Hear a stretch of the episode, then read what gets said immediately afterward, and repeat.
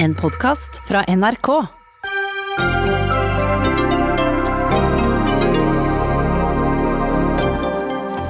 Ikke før var en ny iskant på plass, så utlyser regjeringen 136 nye oljeblokker, flere av dem nord, for der andre SV ville iskanten skulle gått. Men det betyr jo ikke at det blir oljeutvinning der, eller? En av fire jurister har opplevd diskriminering, viser en ny undersøkelse fra Juristforbundet. En kandidat med utenlandsklingende navn opplevde å få spørsmål om sitt kvinnesyn på jobbintervju, og han er ikke alene. Bedriftene har fått det litt bedre etter koronakrisen, men hver femte norske bedrift varsler oppsigelser i tiden som kommer. Og Kristelig Folkeparti er redd nedfryste egg skal få arbeidsgivere til å presse kvinner til å vente med å få barn. KrF forstår ikke hva selvbestemmelse handler om, svarer Arbeiderpartiet.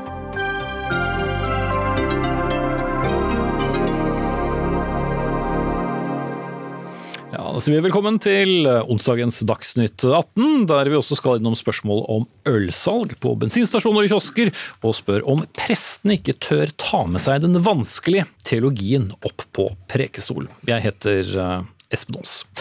Men eh, helt først så starter vi denne sendingen med å snakke om nye områder for oljeleting. Det er nå gått 13 dager siden forvaltningsplanen og den mye omtalte iskanten ble vedtatt i Stortinget. Allerede i dag er regjeringen klare til å sparke i gang det som heter 25. konsesjonsrunde.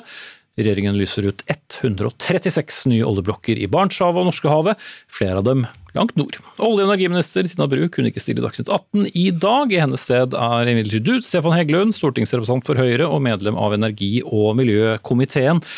Var det viktig å få lyst ut eh, disse områdene så raskt som mulig?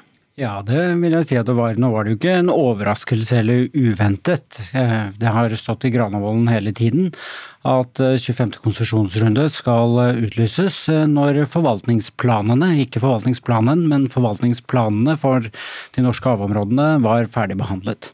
Så vet vi at dette er viktig for å opprettholde aktivitet på norsk sokkel, og det er viktig. Mm.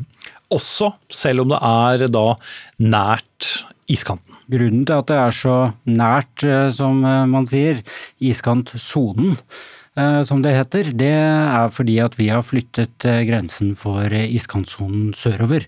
Så det er en konsekvens av det vi vedtok i forvaltningsplanene, at dette da ligger nærmere grensen, for å si det på den måten. Det er fordi at Stortinget, hvor vi fikk en bred enighet for det som var regjeringens forslag, Eh, flyttet eh, iskantgrensen sørover. Mm. Men vi har eh, rekordlav oljepris. Det kom flere advarsler fra Polarinstituttet, Havforskningsinstituttet og andre. Likevel så velger man da å følge politisk flertall og ikke disse rådene. Så hvorfor er det så viktig å også åpne for leting der, når ikke akkurat verden i øyeblikket skriker etter olje? Programleder, det er litt upresist. For det første så er dette områder som allerede er åpnet. Disse områdene ble åpnet i forbindelse med 23. konsesjonsrunde. Eh, så det er ikke noe nytt at eh, dette skulle noen gang bli utlyst i en konsesjonsrunde. Snarere tvert imot. Det kan ikke ha kommet som en overraskelse på noen.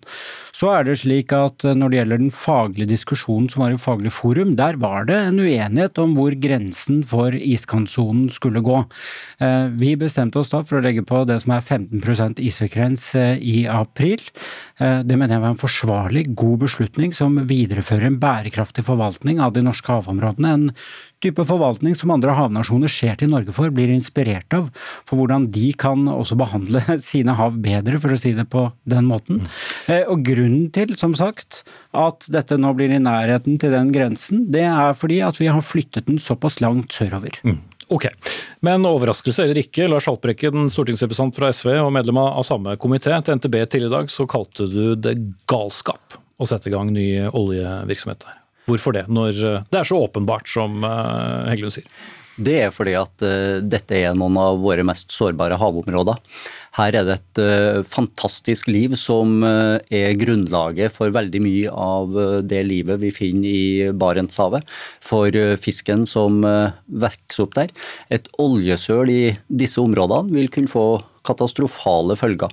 Men det er eh, tryggere nå, sett med dine øyne, enn før, fordi man har flyttet iskanten? Overhodet ikke, fordi at uh, dette er oljeboring uh, som vil skje innafor der den faktiske iskanten er. Det spiller ikke noen rolle hva stortingsflertallet sier eh, om hvor iskanten er. Iskantsonen er der iskantsonen er, akkurat som fjellet er der fjellet er og skogen er der skogen er. Eh, og det at eh, stortingsflertallet later som, eller skulle ha ønska at iskantsonen var et annet sted, det gjør ikke saken bedre. Så Men det er jo politisk blokkene, behandlet. Flertallet har sagt er... sitt. Du tilhørte mindretallet, dere tapte. Så sånn sett er det vel ikke overraskende at det da lyses ut konsesjoner, som på forhånd også var varslet? Nei, dette var det vi frykta. Det var det. Eh, og vi har jo sett tidligere også fra denne regjeringa at man har blankt ignorert alle miljøfaglige råd mot eh, oljeboring i sårbare havområder, og det ser ut til at man gjør det igjen. Når det Nå er det ikke gitt at, at det blir oljeboring, det er prøveboring lete, og leting? Leteboring, og hvis man da finner, så skal det veldig mye til for å stanse uh, videre planer. Lovverket er sånn at uh, petroleums- eller oljeselskapene da nærmest har rett på å få sette i gang uh, produksjon. I tillegg til at dette er en stor miljørisiko i dette sårbare havområdet, så vet vi jo også at olje og gass vil bli mindre verdt verdt i framtida pga. at verden skal nå Parisavtalen. Verden skal kutte sine utslipp av eh, klimagasser. Men Vil markedet så, ha olje, så vil det være butikk eh, i, og så vil, være inntekter til Norge. Så vil det være butikk sannsynligvis for oljeselskapene, men ikke nødvendigvis for det norske fellesskapet, for velferdsstaten, fordi at skattesystemet er sånn rigga for eh, oljeindustrien at ting kan være lønnsomt for det enkelte oljeselskap, men være et tapsprosjekt for det norske samfunnet. Nå har vi snakket med bl.a. oljegiganten BP i dag, som har prøvd seg i Barentshavet. Sier til oss det svarte ikke til eh, forventningene, men dere håper likevel at det skal kunne bli utvinning? Ja, altså Vi ønsker eh, videre aktivitet på norsk sokkel av mange grunner som jeg skal komme tilbake til når jeg bare har svart direkte på ditt spørsmål. Det, men, men, eh, det er selskapene som beregner risikoen. Og så er det ikke riktig at man har et skattesystem som gjør at Norge ikke tjener penger på dette. Altså For å være helt ærlig, det er ingen selskaper, ingen næringer i Norge, som betaler så mye skatt inn til fellesskapet som det petroleumsnæringen gjør. De skaper en rekke arbeidsplasser, både i sin egen næring, men også i leverandørindustri og næringer som er indirekte tilknyttet eh, petroleumsnæringen. Eh, og jeg må jo si, nå har vi, nett, nå har vi på vei ut av det som har vært en veldig alvorlig krise. Eh, vi skal få økonomien i gang, vi skal ha aktivitet eh, i Norge. Og da er vi også avhengig av den næringen som vi faktisk tjener aller mest penger på. Vi skal også nå, politisk vedtatte klimamål, ja, det, og hvordan passer dette inn det? skal skal vi, og det, vi forsterket klimamålene for petroleumsnæringen i den oljeskattepakken som et bredt flertall på Stortinget vedtok, med 50% kutt på sokkelen innen 2030. Og bare hvis man skal få til en omstilling av norsk sokkel. Hvis man ønsker at det skal være en elektrifisering av norsk sokkel og teknologiutvikling som også leverandørindustrien kan være med på, så må det altså være noen som bestiller disse prosjektene. Det må være noen som bestiller offshore vind som man kan installere ut på norsk sokkel. Da må det, er det, Lars, det er jo det Lars Haltbrekken ikke tenker på, for han mener at dette er bare en sånn fantasiregning som man skal betale over statsbudsjettet, med for øvrig mye mindre enn det det reelt sett ville koste å gjøre det, fordi at han ikke har en politikk politikk for å få private investeringer i f.eks. offshore vind. Fantasiregning, Haltbrekken. Vi står foran en svært alvorlig klimakrise. Og jeg tror også at uh, Stefan Heggelund vet at uh, de største utslippene fra den oljen og gassen vi tar opp på norsk sokkel, kommer fra forbruket av den. Verden har allerede funnet altfor mye fossil energi til at vi kan brenne av det vi har funnet, og samtidig løse klimakrisen. Da blir det litt meningsløst uh, å sette i gang nye leiteprosjekter. Uh, og hvis uh, Heggelund ikke er enig i at skattesystemet for oljeselskapene er rigga sånn at et funn langt nord kan gjøres lønnsomt for oljeselskapet, men blir et tap for det norske fellesskapet, vel, da bør en se hva hans eget eh, finansdepartement skriver i noen av de utredningene de har kommet med uh, den siste tida. Så vi tar på oss her en svært alvorlig miljørisiko. Det er, sårbart, det er et sårbart område. Uh, sjansen for skader er svært stor hvis det blir et uhell. Vi påtar oss høye utslipp, og vi skal være klar over det, at de feltene vi her snakker om, de vil komme i drift om 10 20 år. Det er en periode hvor Norge skal ha null utslipp, og hvor verden skal ha mer enn halvert sine utslipp og frigjort seg fra fossil energi. Og i det markedet skal vi begynne å selge store mengder men, olje og gass uh, til verdensmarkedet. Og det er ikke sikkert det er noen Men så lenge ikke utslippene er under selve utvinningen, men skjer når vi har solgt den, så har det ikke så mye å si for vårt regnskap? Jo da, det har det. Legg merke til at han ikke svarer på spørsmålet om hvordan han skal finansiere f.eks. en omstilling av norsk sokkel, hvordan han skal bidra til å løfte leverandørindustrien gjennom denne omstillingen, slik at de kan Men er det ikke penger nok allerede? Du har ingen svar på dette i revidert budsjett, og du valgte selv å ikke svare på det da du hadde ordet nå, men så har jeg et annet poeng. Ja, men hvis svare, hvis han lover å svare, så kan han gjøre det nå. Ja, jeg, bare, jeg bare ser på klokken. Jeg har så, jeg har så mange gode skal, uh, Vi er nødt til å sørge for at norsk leverandørindustri blir med på den grønne omstillinga. Norsk leverandørindustri har kjempemuligheter til å produsere bl.a. offshore havvind. Da må vi sette i gang med det før disse oljeprosjektene blir eh, aktuelle, som er om 10-20 år. Vi må sette i gang nå må jeg få svare ferdig. Vi må sette i gang med det nå. I tillegg så har vi en kjempemulighet til å utvikle nullutslipps skipsfart langs eh, kysten av Norge, som blir en eksportteknologi. Og vi har sjanse også til å utvikle grønn hydrogen. Og dette vil være ting som verden etterspør framover. Hvis vi er først uh, i dette, så vil vi kunne tjent store penger på dette. Men finansieringen av de grønne prosjektene kommer fra hvor? De kommer bl.a. fra statsbudsjettet, og de kommer også fra private. Og dette er ting som kommer til å være lønnsomt. Når verden kutter sine utslipp, så kommer verden til å etterspørre fornybar, og, og, og hvis det stemmer, så vil vel ingen oljeselskaper uh, utvinne olje? Det er bare det at petroleumsselskapene, som nå bredder seg som energiselskaper, er blant dem som, eller er de som kommer til å bestille disse prosjektene fra norsk leverandørindustri. Og det er jo det han vil stoppe inntektsstrømmen til de selskapene som skal være med på å sørge for at at norsk leverandørindustri kan omstille seg, og være med på å sørge for at vi får elektrifisert norsk sokkel og fått utslippene ned derfra, slik at vi også når klimamålene for sokkelen. Og så må jeg få lov til å legge til en ting til. Og det, er uenig med Finansdepartementet, som sier at dette kan være ulønnsomt. Nå er det jeg som har ordet, og så skal jeg si en ting til. Det er at jo, Norge er med på å ta risiko, men vi tjener penger på den risikoen. Det er også penger som vi kan bruke til å omstille vår egen økonomi og bruke på klimatiltak. Og vi bruker svært mye på klimatiltak i Norge, og det skal vi fortsette med. Så er det faktisk ikke så lenge siden, programleder. Det var en uh, sak i Klassekampen der en industriarbeider og flere industriarbeidere som var medlem av Sosialistisk Venstreparti, lurte på om Nå de kunne være medlem der. Nå lurer jeg på om ikke vi er på vei ut langt utenfor iskanten. Med disse standpunktene dere har nå, hvor dere ikke vil ha noe aktivitet okay. på norsk sokkel, hvor dere ikke vil bidra til at leverandørindustrien Stefan Heggelund og Lars Haltbrekken fra henholdsvis Høyre og SV.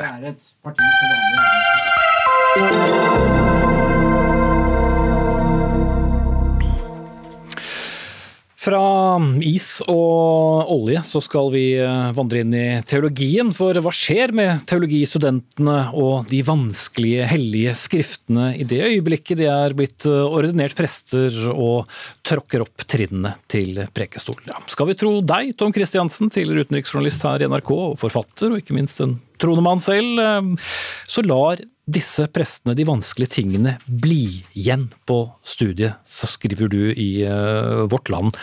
For du savner noe når du sitter på kirkebenken. Hva, hva er det du ville hørt utover da jeg vandret til kirken i dag? Det var en stund hvor prestene var redd for å ta opp de vanskelige tingene. For det kunne gå utover karrieren. Det gjør vel ikke det i dag. Men det er jo likevel slik at de møter teologistudiet ganske uforberedt kommer mye kristen ungdom fra lekmannsbevegelsen som er konservativ, ikke sant, og de tror på sin bibelhistorie. og Så kommer de på fakultetet, og så blir altså hele barnetroen revet opp, ikke med rota, men rydda opp i bladverket. Moses skrev ikke Mosebøkene. Noah levde antagelig ikke. Og er det sant at Gud straffet menneskene med syndefloden og drukna dem alle, bortsett fra de som var i båt med Noah, som ikke fantes? Hevnens gud, som du ser i Det gamle testamentet. Dette møter studentene. og Så kommer de til Nytestamentet. Var Jesus født i Betlehem? Antagelig var han født i Nasaret. Altså, hva kan du tro på, hva kan du ikke tro på? Alt dette renner rett i huet på unge, unge folk. som skal bli prester. Og så lærer de hvordan tingene henger sammen. Kritisk, historisk kritiske forskningsmetoder. Og så tar de det ikke med seg opp på prekestolen. Og jeg sitter der i benken og hører prekener som er altså så eh, fine og flotte, men altså altfor mjuke i kanten. Og jeg sitter med spørsmålene når jeg gikk inn, og når jeg gikk ut av kirka. Ikke min egen kirke, det skal presten ha. Ok. Aud Tønnesen, du er dekan på Teologisk eh, fakultet. Eh, er det sånn at prestene lar eh, problematiseringen bli igjen idet de forsvinner fra dere, og, og, så forteller de de samme historiene som vi alltid har fått høre? Mm. Altså Aller først så vil jeg jo si at det er veldig fint å få lov til å debattere prekener på jo, jo, men la oss ta det, det, det Tom Kristiansen skriver om i vårt land. Den, den diskusjonen at den reises. Eh, jeg kjenner ikke helt igjen det bildet, det må jeg si. Eh, jeg opplever at prester bruker mye av den kunnskapen som de har fått gjennom studiet. Eh, og så er det helt... Også på prekestolen? Også på Prekestolen. Og så må man jo si at Prekestolen er jo bare en del av det virket som prester har, så de gjør jo veldig mye annet også eh, utenom søndagens gudstjenester. Men det er der vi hører dem, eller i hvert fall de som går i kirken? Ja, eller det er jo Man preker jo også eh, både ved begravelser og eh, ved, ved giftermål osv. Men, eh, men altså det, det å ja, og så tenker jeg også Den beskrivelsen kanskje av eh, hva slags studenter vi får inn, er kanskje litt karikert i dag. Du viser til lekmannsbevegelsen. Den står nok ikke like sterkt som den en gang gjorde. og Studentene kommer nok mye mer fra i hvert fall de vi får opp på universitetet, kommer fra en veldig sammensatt bakgrunn. Eh, og de bærer med seg mye. Noen har med seg sterk barnetro, stor fromhet, og kan nok oppleve overgangen vanskelig. Andre har tatt veien via andre studier og er opptatt av det akademiske. Og det er klart Det de møter i, eh, i teologistudiet, det er et seksårig studium.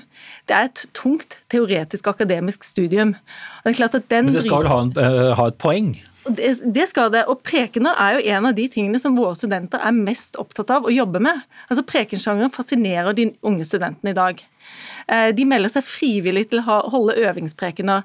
De er opptatt av å delta i samtalen med de andre. slik at den, den gir de et, eh, et rom både for å jobbe faglig, personlig, og til og av og til også kunstnerisk. Så du, du er altså- fornøyd, da. Men, men, det som ikke du svarte helt på innledningsvis, eh, Tom Kristiansen, var hva, hva, hva, slags diskusjon eller hva slags problematisering kunne du tenke deg å høre neste gang du, du sitter i ja, en annen kirke enn din eh, egen, da, som, eh, ja, hvor de stiller spørsmål ved Jeg er jo litt rundt og, og i, i, kirker og hører en del forkynnelse her og der. Og jeg registrerer at når man kommer til de vanskelige spørsmålene, så hopper man over dem, eller heller Spørsmål som for bare liksom eh, Hva skal jeg si Det er det som vel egentlig menes, osv. Det er en del tanker i Bibelen om dommen, eh, livets utgang, eh, hvor Altså, her i landet snakker man jo ikke om helvete i kirken. Det, det ordna Ola Hallesby med i 1953 med sin vulgære helvetespreken. Så du vil ha helvete tilbake i søndagspreken? Nei, jeg vil ikke ha helvete tilbake, men det jeg vil, er en prest som går inn i problemet problematikken hva skjer etter livet? Eh, den dagen vi dør. En prest har 70 begravelser i året. Han må da, i de samtalene han har, komme i situasjoner hvor han må diskutere dette. Og hva sier han da? Tar han et oppgjør med forestillingen at livet har to utganger, himmel og helvete, eller lager han en omfortelling? Ja, omfortelling er det som skjer. Jeg lurer også på hva en prest sier til konfirmanter om seksuallivet utenfor ekteskapet, som alle kjenner til fins, og som eh, de fleste prester også kjenner til, og som kirken ikke lenger har en sånn dogmatisk tone overfor. Mer sex og, og helvete? Altså, nå kan jo ikke jeg svare for hva alle prester gjør etter de er ferdig med sin utdanning, men jeg kan jo si noe om hva vi lærer de. Eh, og jeg vil også si at presten er jo ikke bare han, det er presten også hun. Jo, jo, det vet jeg. Eh, bare sånn at det er sagt. Men, men, vi er jo opptatt av at eh, det ene som må sies er jo at Hva som oppleves som vanskelige tekster, det kan nok variere veldig mye. Så tekster kan oppleves vanskelig for noen, mindre vanskelig for andre. Men vi jobber med det som såkalte vanskelige tekster i studiet. Eh, I første del hvor de jobber med det som er prekenlære. Men lykkes dere f.eks. med da å, å fornye eh, budskapet som skjer i kirken, og som kanskje kunne da invitert flere inn i kirkerommet fordi de fikk noe annet enn det de kanskje forventet? Jeg vil jo tro det. Altså jeg, jeg opplever at det, vi utdanner kandidater som er utrolig flinke. Og at, den, eh, og at, de får med seg både fagkunnskap, de får utviklet seg personlig, de etablerer et språk. Altså de, jeg tenker at Nettopp det at de har et langt studium, gjør at de faktisk ikke faller tilbake til å fremføre vante vendinger og, og, og, og, på en måte kanskje litt sånn klisjeer. Det er jo en ting. Og en av de tingene vi gjør med studentene ganske tidlig, det er jo at de må lese Det nye testamentet på gresk. Ikke sant? Ja, Vi kan, skal, har dessverre ikke tid til å gå, gå, inn i Eksegese og det å jobbe med det er faktisk en vaksine mot å havne i klisjeene, for det i seg selv er vanskelig. Og Så er det jo spørsmålet om de tar det med seg ut, men det er et annet problem. Ja, men Det var egentlig der øh, vi begynte, ja. men øh, tiden har øh, løpt fra oss, Eirin. Takk skal du ha, Tom Kristiansen og Aud Tønnesen. Så må du ta det spørsmålet på høyt. Eirin. Takk skal dere ha.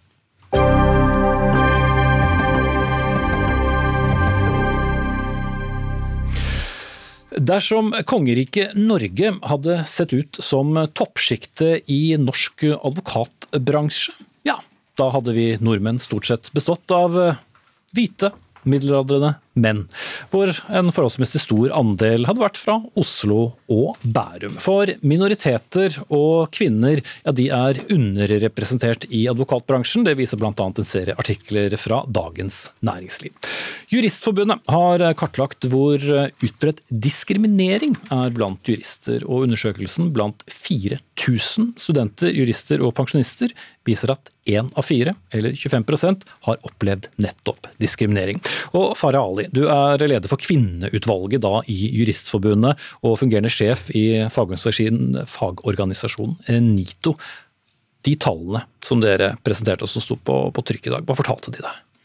Ja, altså For det første så har vi jo kartlagt disse tallene nettopp for å kunne ha litt mer dokumentasjon om, om det er diskriminering så utstrakt som det har dessverre vist seg. Og så ser vi at jeg tror det har vært veldig overraskende for veldig mange at én av fire eh, opplever diskriminering. Eh, jeg tenker at det, Da bør det lyse eh, litt rødt eh, i vår bransje. Da er det på tide å gjøre noe med det. Eh, hva man skal gjøre, det er vanskelig å si, mm. men bare i hvert fall har vi dokumentasjon. Vi har tallene klare. Mm. Men det viser også at uh, veldig få sier ifra ja. om den diskrimineringen, til tross for at såpass mange mm. opplever det. Hvorfor ja. er det så vanskelig? Eh, ja, det er jo at man har ikke tillit til at varslingen vil bli tatt godt imot. Eh, og så er det kanskje at hvis noen varsler og det ikke blir tatt seriøst, så forplanter det seg. sånn at vi ser at det er veldig få som varsler. Og av de som varsler, så er det veldig få eh, som gir tilbakemelding på at varslingen ble godt ivaretatt. Og mm. det forplanter seg videre. Så da fortsetter det som før, rett og slett. Ja. Servet eh, Yldis, du er daglig leder i rettshjelpsfirmaet Sterk eh, Legal, eller Legal. Eh, du forteller til Dagens Næringsliv at du valgte å starte ditt eget firma etter å ha søkt på offentlige stillinger. Hvordan opplevde du søkeprosessen?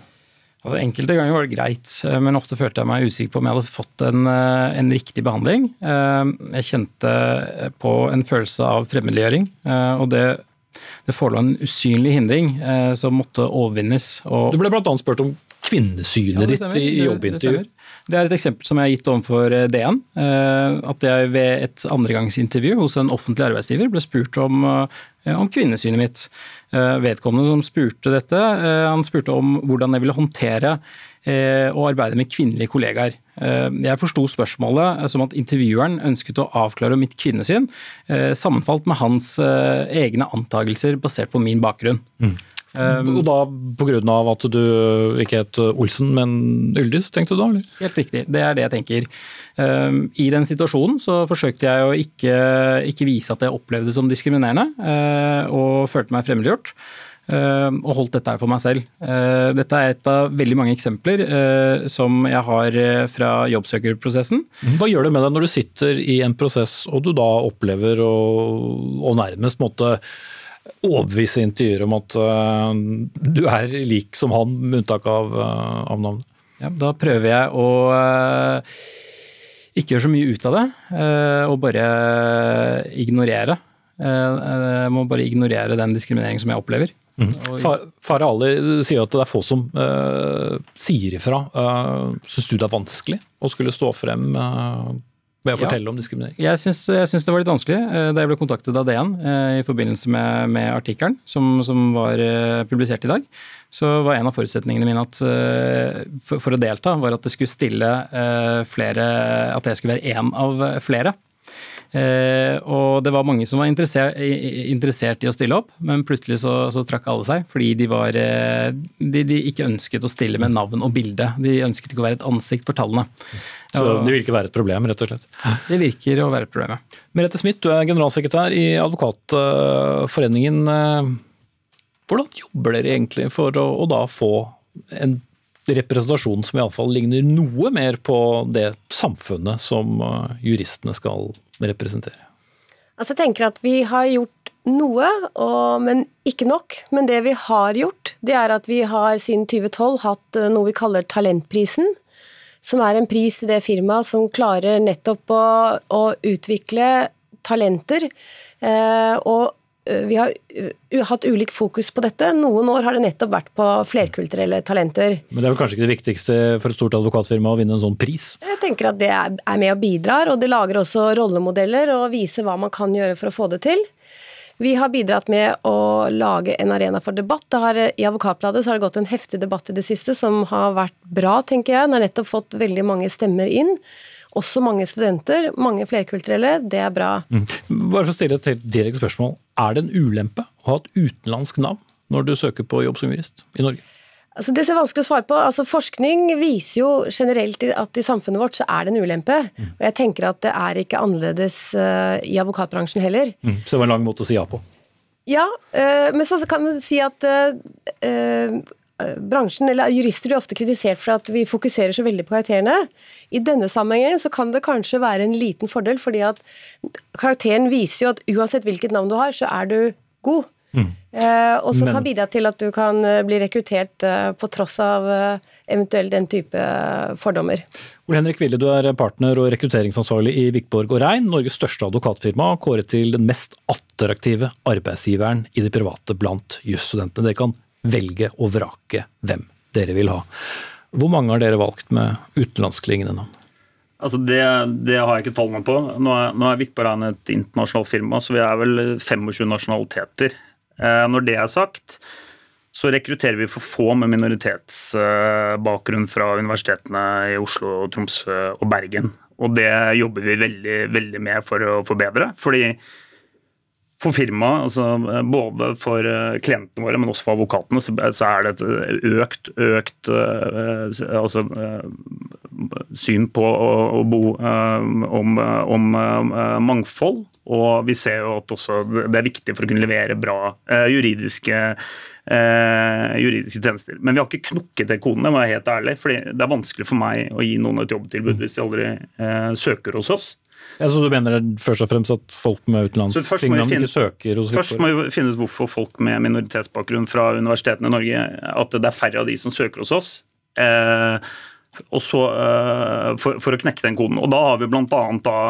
innført nå et mentorprogram for Minojur på Houston, som er en minoritetsorganisasjon på Houston, hvor vi da Eh, en del advokater er mentorer da, for, eh, for jusstudenter med minoritetsbakgrunn, nettopp for å, for å, lære litt mer hva, hva, hva, de, hva de, mener, og hvorfor de, de måtte, ikke er interessert i særlig forretningsadvokatbransjen. Men gjennom eh, bl.a. artiklene i Dagens Næringsliv så får man jo et inntrykk av at det er en klar ulempe å ha et utenlandskklingende navn. At folk som skal kjøpe advokattjenester, det er i hvert fall en, slags sannhet, og det nikkes ved bordet her, at en typisk norsk klient ville heller eh, valgt eh, en, en Olsen enn en eh, Yldis?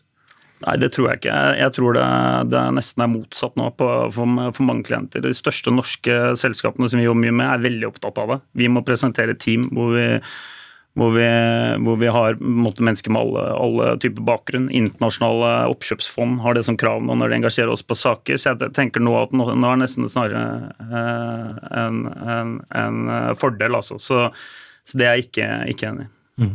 Eh, Ali, hva ja, du, bare en kommentar at Vi ser i den undersøkelsen vi har gjort at det er veldig mange jusstudenter som opplever diskriminering i studiehverdagen. Eh, og jeg tenker at Kanskje det gjør at mange kvier seg for å søke seg til eh, blenda hvite advokatfirmaer. Så de, de blir fortalt allerede på studiet? Nei, de opplever, de opplever, diskriminering som jusstudent av medstudenter, men også av, av eh, universitetsfolk. Og det kanskje medfører at man kvier seg eh, for å søke. Så jeg tenker at her er altså oppfordring til universitetene å sette fokus på det. Artig at du nevner det. Hans Fredrik Martinussen, du er jusprofessor ved Universitetet i Bergen du, og er tett på studentene som forskningsleder og fagansvarlig i eh, formuesrett. Da får dere ta på dere hodetelefonen i studio for å, for å høre ham. Har du observert eh, forskjeller mellom f.eks. kvinner og menn eller etniske minoriteter eh, på studiet?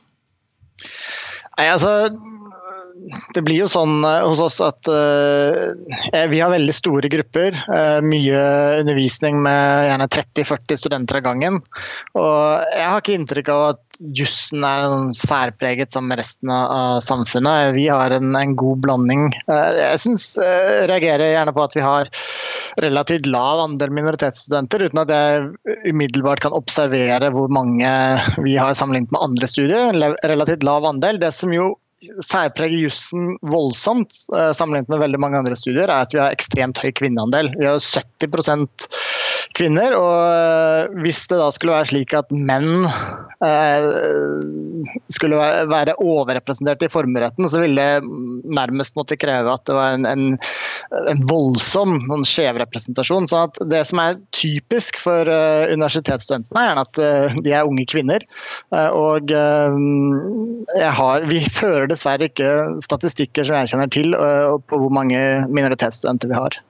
Men øh, for å ta tak i det med kvinna, de, vi ser jo på tallene at de veldig ofte f.eks. ikke blir partnere sammenlignet med i andre land. Eller noen andre.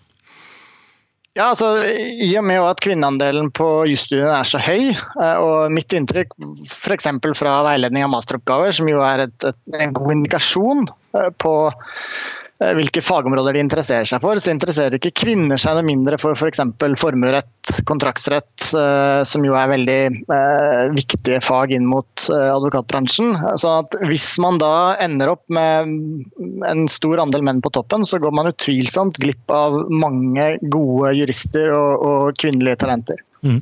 Eh, Ville i, eh, i, Sverige har da eh, det ledende forretningsadvokatfirmaet Vinge 24% kvinnelige partnere i fjor. Hva, hva, får de til, som ikke vi får til?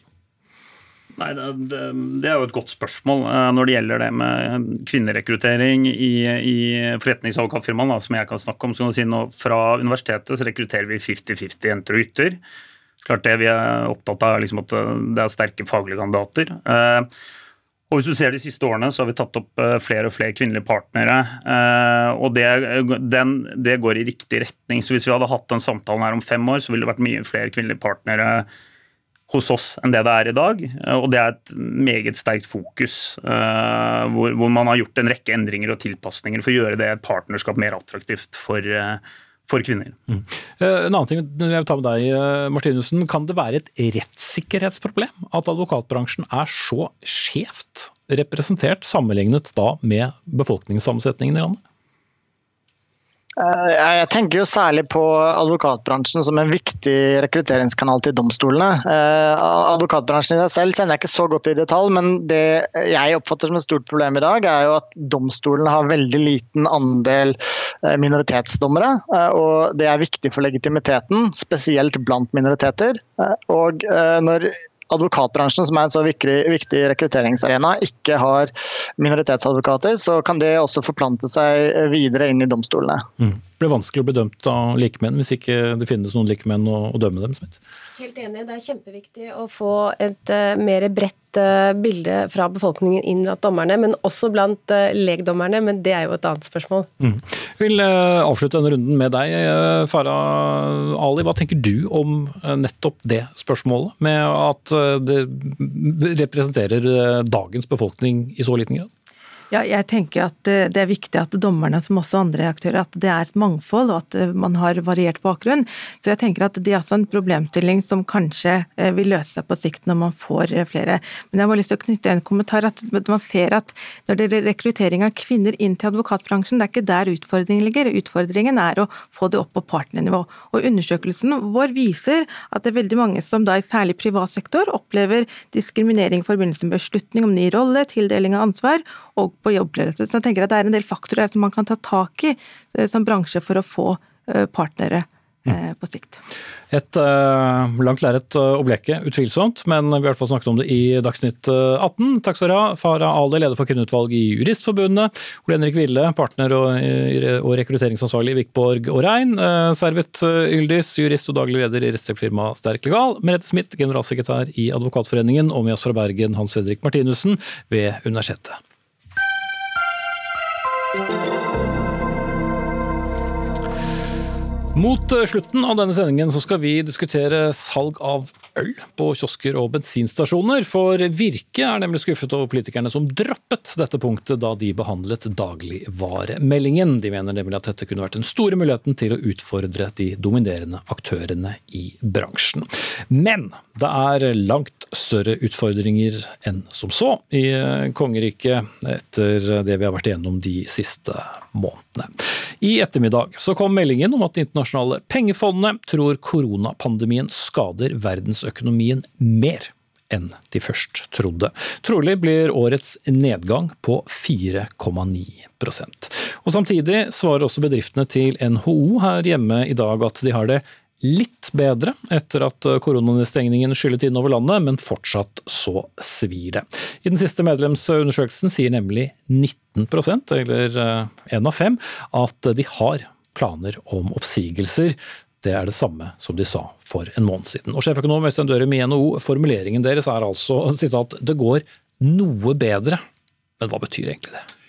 Nei, dette, dette, er jo for så vidt et mønster som vi kjenner igjen fra mange, mange områder. Eh, norsk økonomi ble stengt ned. Eh, stemningen i bedriftene gikk eh, rett i kjelleren holdt seg svak lenge. Så har man fått kontroll på pandemien, og så har man begynt å gjenåpne økonomien. Og så kommer det også til uttrykk i våre tall. Og det kommer til uttrykk ved at eh, andelen som sier at korona har påvirket omsetningen deres, den andelen går ned. Den går ned for alle bransjer. Eh, aktiviteten er på vei opp, osv. Men det er fortsatt slik at andelen som sier at de er påvirket, den er høy. Altså Over halvparten av bedriftene merker fortsatt korona eller ringvirkningene og eller ringvirkningene av dette på omsetningen. En høy andel frykter fortsatt konkurs. og, og det tallet du var, innom, eh, der vi på en del områder ser bedring, så ser vi at ettersom tiden går, så er det en økende andel av bedriftene som sier at de har sagt opp, eller de kommer til å ty til oppsigelser fordi de ser at dette var ikke over rundt neste sving. Mm. Ja, altså Ledighetstallene for mai viste at den steg eh, til 5,2 147 000 var ledige ved utgangen av forrige måned. Og når da hver femte bedrift hos deg i tillegg eh, sier at de har eh, planer om å, å permittere, så er jo ikke det akkurat noen, noen lyse utsikter. Nei, altså, der ser vi jo vi ser det samme bildet i løpet av vi hadde ledighetstoppen i Norge eh, fredag før påske. Eh, reelt antagelig i løpet av påskeuken. Eh, da hadde vi en totalt antall arbeidssøkere på 430 000. Siden da har det blitt borte 150 000 fra ledighetskøen. Mange av dem er permitterte som er hentet tilbake til sine gamle jobber. Men vi har fortsatt nærmere 300 000 arbeidssøkere igjen i Norge. Så tror vi at vi fortsatt kommer til å gå riktig, riktig vei. men der det gikk fort til å begynne med. Man slo av en bryter og stengte ned økonomien, åpnet den opp igjen. Så tror vi at det kommer til å gå tregere etter hvert. Og det handler om flere ting. Det handler litt om at vi har noen næringer som vi kanskje ikke merker så sterkt i tallene nå. De er synlige i tallene, men vi, vi merker det ikke så sterkt i tallene nå. Men det er ordrebaserte næringer. Dvs. Si at de har en ordremasse, en ordrereserve, som er bygget på ting som har kommet inn før korona. Og så vil de oppleve at når ordreboka går tom, så kommer det ikke like mye inn. Så da får vi en litt forsinket uh, bølge? Og de rammes forsinket. Og det er industribedriftene som rammes av lavere oljeinvesteringer. Det er industribedriftene som rammes av lavere eksport som følge av det svake bildet rundt oss. Og det er bygg- og anleggsbedrifter som rammes av lavere byggeaktivitet. Mm.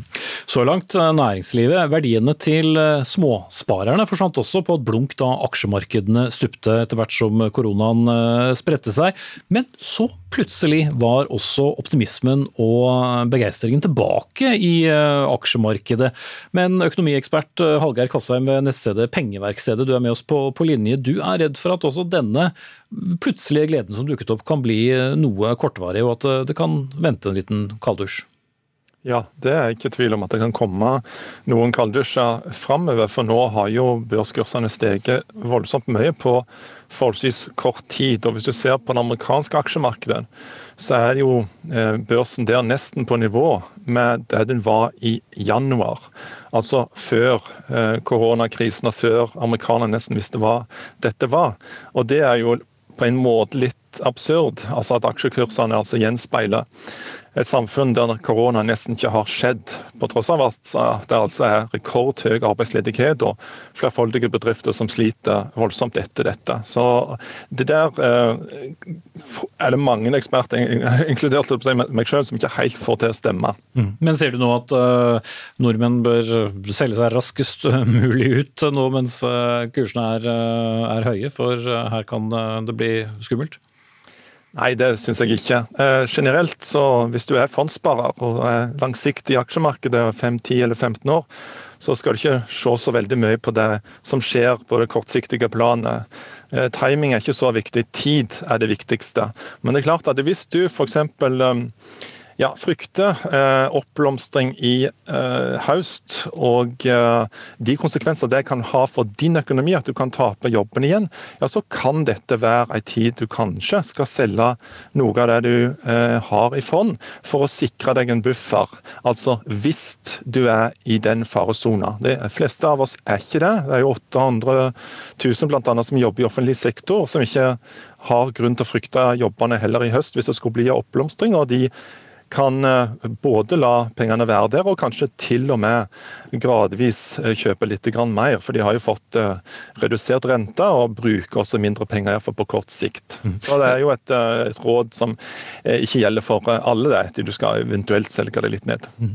Ja, Dørum, det er jo et, et paradoks. Nå har jo for så vidt aksjemarkedet styrt, styrt, mye mer av følelser enn, enn det selvfølgelig en bedriftseier tenker om, om sin fremtid. Mm. Men tenker du det samme som Kassa, at uh, her, her, er optimismen rådet fordi man tar enhver god nyhet som en god nyhet? Ja, delvis så følger jeg Kvassheim, men aksjemarkedet snur jo når man har lagt det verste bak seg. Og vi har på en måte lagt det verste bak oss, fordi at vi har etter alle solmerker passert bunnen ute så vel som hjemme. Og så er jo spørsmålet for alle de som har penger, hvor, hva er alternativet? Og, og, det er ikke så mange alternativer som er interessante å plassere. Og når, når det i tillegg kapitalkostnaden som følge av en ekstremt ekspansiv pengepolitikk er svært lave, mm.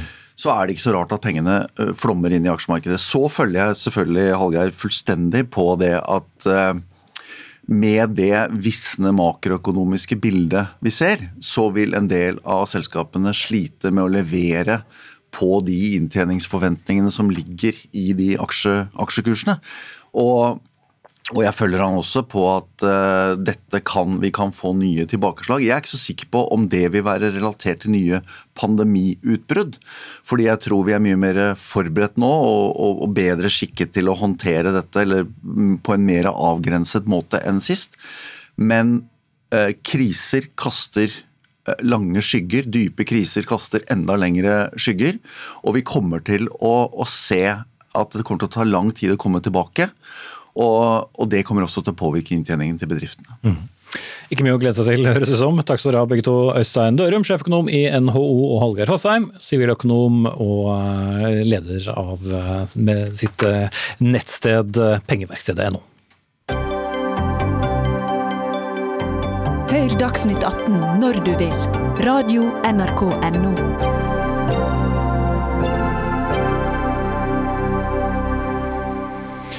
Til tross for en skal vi si, mer enn ferdigbehandlet bioteknologilov på Stortinget, ja, så har ikke Kristelig Folkeparti satt seg helt med hendene i fanget. For den nye loven som ble vedtatt for en måned siden, den åpner for at kvinner kan fryse ned egg uten medisinsk grunn. Og det åpner for noe helt nytt her i Norge, nemlig at arbeidsgivere kan presse kvinner til å vente med å få barn.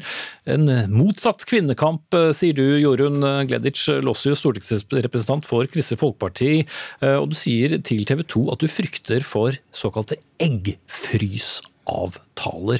Hvor reell er den frykten, og, og hva konkret er det du ser for deg kan skje? Jo, Det vi ser nå er jo at internasjonale selskaper de tilbyr såkalte eggfrysavtaler til sin kvinnelige, sine kvinnelige ansatte. og På den måten sender de også et veldig sterkt og urovekkende signal til unge kvinner om at og, og, eh, dersom de ønsker å gjøre karriere, så er det uforenlig med å få barn i fruktbar alder. Og jeg tenker at Det blir helt på hodet, for det må jo ikke være sånn at kvinnekroppen skal tilpasse seg arbeidslivet. Det må jo heller være sånn at arbeidslivet tilpasser seg kvinnen sånn at de kan bestemme at de skal få barn i, når deres biologi tilsier det. Og det, Vi kan ikke godta at unge kvinner at de skal fryse ned egga sine for så i godt voksen alder å måtte gå gjennom eh, krevende hormonbehandlinger og risikofylte svangerskap for å tilpasse seg arbeidslivets forventninger. Dette blir helt bakvendt, og det blir det motsatte av likestilling. Mm. Men har du noen indikasjon eh, som skal tilsi at dette er et reelt kommende problem i Norge?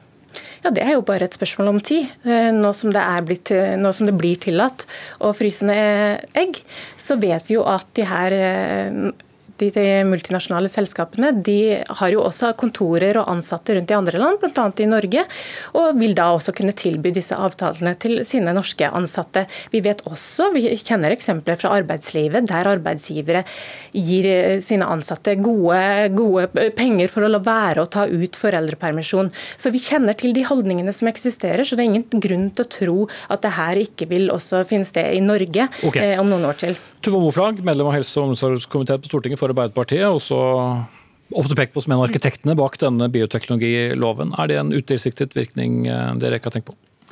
Nei, jeg syns dette er ganske søkt fra Kristelig Folkeparti. Og hele vår hensikt med å la kvinner bestemme selv om de vil fryse ned sine egne egg, er jo at vi vil styrke kvinnens selvbestemmelse. Og det er jo noe som KrF eh, ikke pleier å være så veldig mye med på. De bidro i, i fjor til å svekke kvinnens selvbestemmelse når det gjelder fosterantallsreduksjon. Da stramma regjeringspartiene inn eh, abortloven. Eh, og eh, I dette studioet her så har vi jo diskutert KrFs motstand mot at kvinner skal få informasjon om svangerskapet, så jeg syns at dette er nok et litt sånn søkt argument fra KrF. Det er det stråmannsargumentasjon? Jeg syns det virker som at KrF prøver å skvise det siste ut av den bioteknologisitronen nå, men dette handler om at kvinner skal få lov til å ta valg for seg og sitt liv. Og nå som kvinner får lov til å donere egg til andre, så syns jeg det er en ganske logisk konsekvens at kvinner kan få lov til å fryse ned egg til eget bruk også. Mm. Men hvis vi ser på realitetene ellers i arbeidslivet. Har du en jobb, får barn, se på lønnsstatistikken, så har vi også mange ganger i dette studioet diskutert at hvem er det som gjerne kommer dårligst ut på statistikken? Jo, det er kvinner som har vært hjemme med barn. Vil ikke da muligheten din som en 28-åring, 29-åring, 30-åring til å fryse ned eggene og heller få de barna når du har bygget opp karrieren, gjøre det? Rette til at nettopp det som Lossus peker på, kan skje. Jo, men jeg, jeg, ser ikke at det er noe vi skal frykte i det norske samfunnet. Vi har et veldig godt regulert eh, arbeidsliv. Vi har partssamarbeid. Vi har bedriftseiere og tillitsvalgte som sitter rundt det samme bordet. Dessverre så er det jo sånn at den regjeringen som KrF er en del av, verken vil styrke fagforeningsfradraget, de vil heller ikke Eller de anerkjenner denne saken, nei, nei, nei, men jeg mener faktisk at et godt organisert eh, arbeidsliv er en god vaksinasjon mot de amerikanske tilstandene tilstandene som Lossius peker på. Mm. Ja, Det er langt fra amerikansk arbeidsliv til norsk arbeidsliv, Lossius? Jeg syns det er veldig beklagelig at Arbeiderpartiet, som har pressa gjennom de her eh, endringene i bioteknologiloven eh, i likestillingens navn, at de ikke ser at på sikt så kan nedfrysning av egg bety nettopp det motsatte av likestilling. For hvis du som kvinne får spørsmål av en attraktiv arbeidsgiver om du ønsker å fryse ned egg, så vil nok flere synes at det er vanskelig å svare nei, fordi da signaliserer du manglende ambisiøsitet, manglende satsing. Og for KrF så handler det her om et likestilt arbeidsliv. Vi ønsker at det å være både mor og være yrkeskvinne, det skal være noe som er attraktivt for arbeidsgivere, noe som er attraktivt å få inn i sin bedrift, og som den erfaringa man har der nettopp å kombinere arbeidsliv og, og det å være mor, det er en verdifull erfaring som også er godt egnet inn mot lederkompetanse. Men det er veldig beklagelig. Jeg skjønner jo at Arbeiderpartiet sitter her og bagatelliserer det, for de har ikke tenkt langsiktig når de har eh, valgt å gjøre denne endringa. Arbeiderpartiet har ikke pressa gjennom en endring i bioteknologiloven, men KrF prøvde å kuppe det og tok det inn på bakrommet på Granavolden. Men hvis vi virkelig ønsker å jobbe for et mer likestilt arbeidsliv, så handler det jo om å få til andre mekanismer, f.eks. Eh, styrke pappapermen, som jo KrF og Lossius har gått i bresjen for at man skal kutte ned på. Eh, så jeg er helt enig i at vi skal se på hva er det som gjør at kvinner kanskje ikke får den samme lønnsutviklingen som menn får, men å male spøkelser lyser på høylys dag, er ikke den viktigste og beste måten å angripe den problematikken på. Lossius, kjenner du til noen norske arbeidsgivere som tenker i disse baner? Nei, men vi vet at eh, som sagt, internasjonale selskaper som Facebook, som Google, som også har ansatte i Norge, vil kunne tilby det her. og Det vil bare være starten på at flere også innenfor arbeidslivet signaliserer de forventningene overfor kvinner. Og Det er nettopp det her perspektivet som jeg syns er så utrolig viktig å løfte. At ikke kvinner skal tvinges til å velge mellom barn og karriere.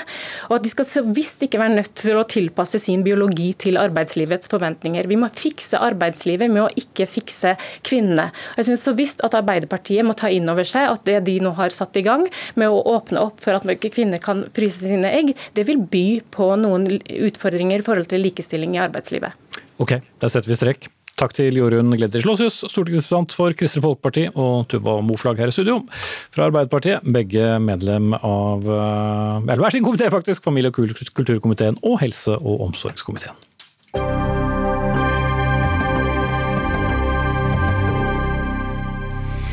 Vi har eh, diskutert tematikken før, og jammen så ble det aktuelt igjen. For regjeringen har diskutert om kiosker og bensinstasjoner skulle få selge øl i stortingsmelding om dagligvare, men eh, har valgt å ta det ut. Eh, derimot har regjeringen i den samme meldingen vært veldig opptatt å komme med mange tiltak for å stoppe markedsmakten til enkelte såkalte dagligvarekjemper. Du Iman Winkelmann, du er leder av det som heter Virke Service Handel. Du er krystallklar på at det å begynne å selge alkohol i kiosker og bensinstasjoner er løsningen for å stage denne maktkonsentrasjonen. Hvordan henger det sammen?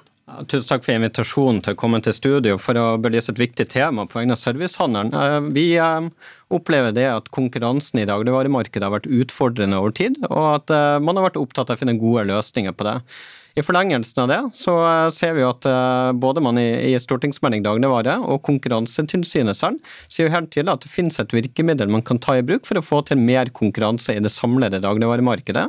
Og det handler om å la kommunene eh, beslutte salgsbegrenning for alkohol, også for kiosk- og bensinstasjoner. Men hvordan konkret rokker det ved dagligvarekjempenes makt hvis du får kjøpt øl på bensinstasjon? Nei, altså jeg tok med meg, På vei hit så var jeg innom den lokale bensinstasjonen her på, på hjørnet på Marienlyst ost, og det handler smør, og handler baconost, og det handler handle rundstykker og alle andre typer varer som ville vært nødvendig for å gi en god og sunn matpakke til mine barn i morgen formiddag, eller gi dem middag i morgen ettermiddag. Men hvis du tilfeldig skulle i parken her borte og, og kose meg med noen venner, så hadde jeg også hatt et ønske om å stikke innom den bensinstasjonen kunne tatt med meg noe øl, og kanskje noe grillmat og kose meg. I dag så må jeg på en dagligvareforretning.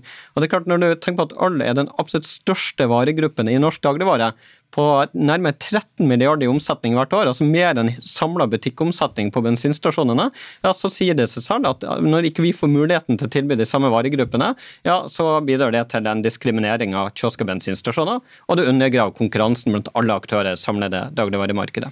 Ja, Korstein Løvaas, du er næringspolitisk statsperson for uh, Høyre. Uh, I stortingsmeldingen så diskuterte altså regjeringen hvorvidt lovverket burde åpne for uh, også alkoholsalg på bensinstasjoner og kiosker. Og hvorfor skal vi få kjøpt smør og baconost og, og ikke øl på bensinstasjonen? Hva, hva er den store forskjellen egentlig? Nei, den store forskjellen er jo eh, Konkurransedirektøren har helt rett når han sier at eh, konkurransen vil eh, skjerpes hvis man også får selge øl på bensinstasjoner. Men det er litt mer enn det som ligger til grunn for sånne vurderinger. Det er jo også da alkoholpolitikken i Norge som også har en sosialpolitisk side, hvor man vet og kan dokumentere at begrenset tilgang og høye avgifter gjør faktisk at forbruket er noe mindre. Men når det er sagt, så er jo ikke dette nødvendigvis hogd i stein. Regjeringen har diskutert det. Nå er meldingen meldingen i Stortinget, så får vi ta en diskusjon i, i, Stortinget også. For det er et problem med bransjeglidningen, hvor man enkelte steder nå knapt nok ser forskjell på en liten eh, jokerbutikk og en eh, ganske stor eh, bensinstasjon som er i samme område, og som selger veldig mye av de samme varene. Og Dette har utviklet seg over lang, lang tid, og det er ingenting som ser ut til at det skal stanse. Ville det være en helt urimelig oversettelse av det du sa nå, at du egentlig er helt enig med Winkelmann, men fordi det er et regjeringssamarbeid med Kristelig Folkeparti, så ble det sånn? Det er en, en, en, noe vid tolkning, men eh, jeg ser i hvert fall at det er en utfordring. og Det er ikke noe tvil om at primærstandpunktene til eh, Høyre og eh, KrF i denne saken nok trolig er noe ulike. Men så er det det å, å se på hva er virkeligheten. I dag så er mange bensinstasjoner dagligvarehandelen, særlig i distriktene. og Det er ganske interessant. fordi Hvis du på den ytterste nøkne ø kan gå inn på en Prix og kjøpe øl og fylle bensin utenfor fordi de har en bensinpumpe, mens du på den neste ytterste nøkne ø eh, kan gå inn på Circle K og kun kjøpe dagligvarer og bensin, men ikke alkohol, så er det en forskjellsbehandling som nok over tid blir vanskelig å, å forsvare. Men regjeringen har valgt i denne meldingen å foreløpig videreføre den politikken som er. Eh, men så får vi se hvordan eh, flertallet i Stortinget lander når saken skal behandles. Men Vinkemann, hvis vi ser da på eierstrukturen også når det gjelder i hvert fall en del bensinstasjoner og kiosker. Narvesen eies av Reitan-gruppen, som også driver eh, dagligvare, Reba 1000. Mix eies av Norgesgruppen, som er den desidert største aktøren. Så vil de ikke heller bare forsterke sin egen markedsmakt? Altså, Regjeringa har vært ute etter internasjonale utfordrere i det norske dagligvaremarkedet. og Man har vært opptatt av at nye skal komme til å etablere seg og øke konkurransen. Og, og For lytterne så er det det aller viktigste med konkurransen er jo at det fører til et bedre utvalg, lavere priser, mer tilgjengelighet. Og Hvis vi da går på aktørgalleriet, som du var veldig opptatt av, programleder, så er det jo slik at Certain K er eid av eh, en utenlandsk virksomhet. Eh, verdens største convenience-aktør står bak Certain K. Uh, og Det samme gjelder Shell, som også er en stor kjede, hvor jeg tilfeldigvis kjøpte disse varene i ettermiddag. Ja, så er også de utenlandskeid. I norsk dagligvare derimot, altså de etablerte dagligvareaktørene har kun norske eiere. Så vi er opptatt av at man i behandling av denne dagligvaremeldinga legger til rette for at de som kan komme inn, utfordre de etablerte dagligvareaktørene, har internasjonale eiere, har kunnskap og kompetanse om retail, at de får lov til å være med og konkurrere for å gi alle lytterne et bedre tilbud der ute, slik konkurransedirektøren også var opptatt av i sin eh, omtale av denne saken i ettermiddag i media. Mm. Ja, for Løvås, Løvaas, hvis man var så bekymret for tilgjengeligheten eh, på alkohol, da fikk man heller gjort som svenskene og flytte enda mer av ølsalget inn på polet, og så var det en større likebehandling i så fall av dagligvare, bensinstasjon og kiosk? Det ville være en større likebehandling. Og Du skal jo ikke se bort ifra at eh, i diskusjonene som har vært, så har man diskutert liberalisering på den ene siden og innstramming på den andre. og Så har man kanskje landet på et eh, kompromiss som er eh, noenlunde midt imellom. Men bransjeglidningen er et problem. Maktkonsentrasjonen er et problem. Og virkeligheten forandrer seg hele tiden. og Jeg ser også at når enkelte bensinstasjoner i dag har blitt mer dagligvarehandel, og mens de over gaten får lov å selge øl og bensin, så er dette en, en, utfordring. Men så er det viktig å si, for det blir ofte en litt sånn spisset debatt. Øl på bensinstasjon, og så humrer man litt og sier hø, hø, hø, det kan vi ikke ha. Men det er forskjell på bensinstasjoner. Det er forskjell på en bensinstasjon som ligger langs en E18 og som i praksis er en bensinstasjon og en service til bilister, eller en stasjon som ligger kanskje langt ute på Frøya eller Hitra, og som er like mye en dagligvarebutikk, et apotek og en fiskebutikk som det er en, en bensinstasjon. Mm. Men uh, Winklemann, det ser ut som uh, vi må se langt etter å ha halvliterpris ved siden av literpris på bensin og diesel med det første? Nei, altså Alt ligger til rette for at man kan eh, bidra til bedre og mer konkurranse i dagligvaremarkedet. Og, og Kårstein er inne på viktige, legitime argument i denne saken.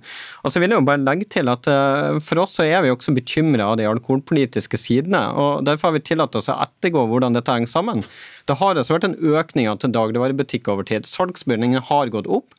Samtidig så har omsatt mengde øl og rusbrus gått ned. Okay. Det er det ene argumentet. og Det andre som også er viktig å få frem her, at antall personer som kjører i ruspåvirka tilstand, har også gått ned, selv om antall salgsbevilgninger har gått opp. Okay. Så diskusjonen om alkohol hører hjemme i næringspolitikken, ikke i alkoholpolitikken. Ansvarlig for sendingen, Fredrik Lauritzen. Teknisk ansvarlig, Ida Larald Brenna. Jeg heter Espen Aas.